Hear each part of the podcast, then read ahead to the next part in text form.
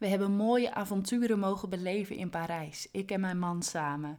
Maar we hebben ook iets minder mooie avonturen mogen meemaken die heftig waren. Maar achteraf gezien zijn die ervaringen ook prachtig, omdat God daarin zijn trouw aan mij liet zien. Als je blijft luisteren, snap je aan het einde van de aflevering precies waar ik het over heb. Heel veel luisterplezier.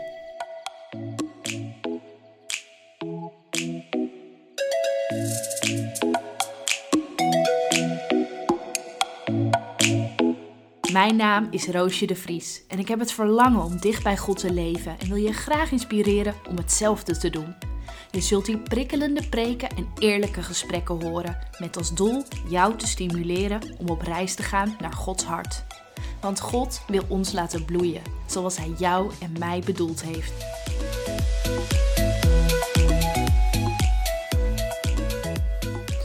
Wauwie. Afgelopen dagen waren mijn man en ik samen een weekendje in Parijs.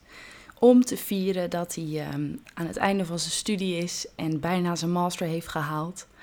En we hebben echt genoten. Ik was er nog nooit eerder geweest. En ik wist dat ik heel graag naar Parijs wilde, maar ik wist niet dat het zo mooi was. En ook zo groot. Man, we hebben echt veel gefietst, veel gezien. De Eiffeltoren natuurlijk, um, de Sacré-Cœur hebben we gezien en het uitzicht daarop. Um, we zijn uh, bij het Louvre geweest. Uh, we zijn in dat park bij, uh, in dat prachtige park ook bij het Louvre geweest. We hebben heerlijk met prosecco gezeten en met aardbeien en druiven en een heerlijke salade hadden we gehaald.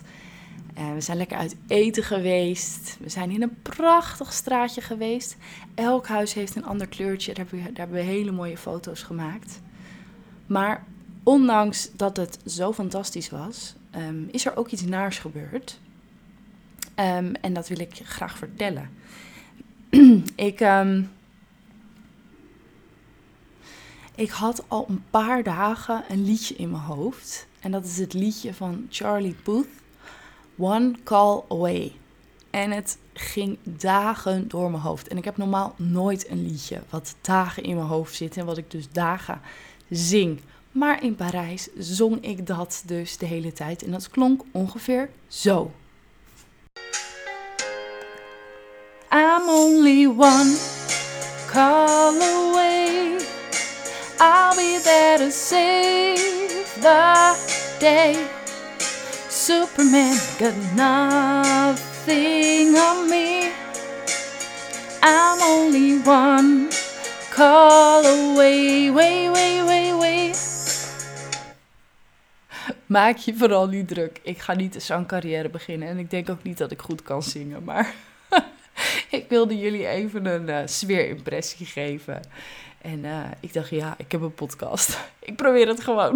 Je moet altijd nieuwe dingen proberen.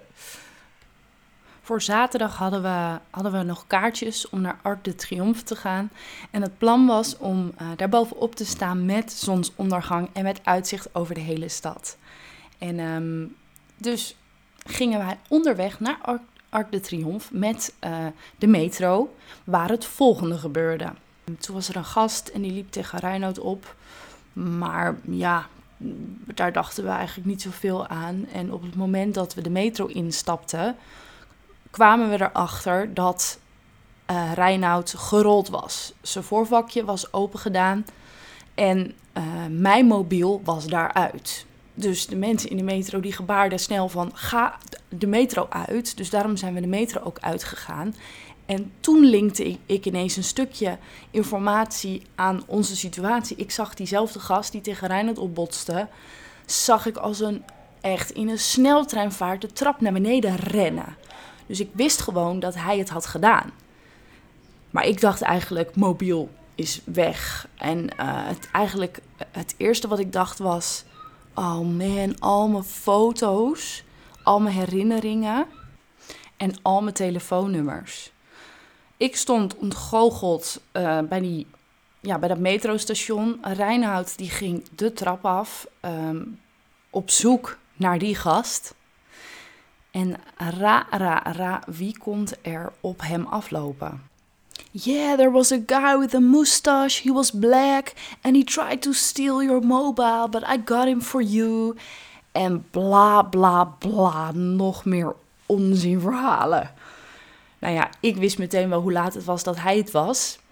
Ehm, en hij zei ook tegen mij: Ja, don't cry, don't cry, it's okay. Maar ik was er best wel heel erg van geschrokken. En, uh, en pardoes, wij kregen dus mijn telefoon terug. Ten eerste, wat is de kans dat je zo'n gast weer tegen het lijf loopt? Hij heeft dus, hij is tegen Reinoud aangegaan. Toen heeft hij dus het, voorvakje waarschijnlijk opengeritst. En het moment dat wij de metro instapten, heeft hij mijn telefoon eruit gehaald en is weggegaan. En hij dacht waarschijnlijk, nou, die rijden weg in de metro. En die komen nooit meer terug en ik heb een telefoon. Maar dat was dus niet helemaal het geval. hoe groot, serieus jongens, hoe groot is de kans dat je wordt gerold en dat degene die je heeft gerold ook nog je telefoon teruggeeft? En ik moest zo denken aan dat liedje van Charlie Puth, I'm only one call away. I'll be there to save the day. Superman got nothing on me. I'm only one call away. Come along with me and don't be scared. I just want to set you free. Come on, come on, come on. Ik dacht echt, wauw heer, u, u geeft dat liedje in mijn hoofd. I'm only one call away slaat natuurlijk ook nog, dat dronk tot me door in het hotel, op mijn telefoon waar ik mee kan bellen. Um, en plus dat hij dus, weet je, een mobiel is niet eens een eerste levensbehoefte. En je gaat er niet dood aan als je hem niet hebt. Um, maar dat, dat God ik had echt het gevoel dat God wilde zeggen van... Joehoe Roos, I'm only one call away en je kan altijd op me rekenen. Je hoeft niet bang te zijn. Um, ik ben bij je en ik denk zelfs aan de details van je leven. En ik was God zo dankbaar. En ik vond het zo bijzonder dat, ja, dat hij dan dus... Ja, waarschijnlijk wist hij dus al dat ik dat liedje in mijn hoofd had, dat dit zou gebeuren. Dus ik geloof wel echt dat het een soort is dat, dat God aan me wilde laten zien van ik zie je en ik, en ik zorg voor je. En dat het misschien ook wel een voorbereiding is op iets, op de volgende dingen die gaan komen. Dat ik, dat ik dus mag leren dat ik op God mag vertrouwen. En dat als ik dus, net als Petrus, die stap buiten de boot ga zetten op het water, dat ik, dat ik weet dat God me draagt. En uh, hoe stom en hoe heftig de situatie ook was. Want ik was echt, jongen, aan het hyperventileren. En uiteindelijk gingen we dus in de metro toch nog naar Arc de Triomphe. We hebben de zonsondergang nog gehaald en gezien, die prachtig was. Maar ik was wel een beetje shaky. Uh, mijn make-up was uitgelopen van het huilen, zag ik op de foto's later. Maar ik dankte God en ik zei: Wauw, Heer, dank u wel dat u voor ons zorgt en dat u bij ons bent. En nou, daar wilde ik jullie eigenlijk mee bemoedigen. Van weet je, er is een God en die kijkt naar jou. En die kijkt zelfs naar de, ja, naar de details van je leven.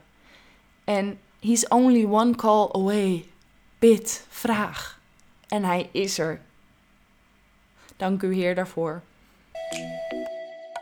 Je luisterde naar de podcast Bloei.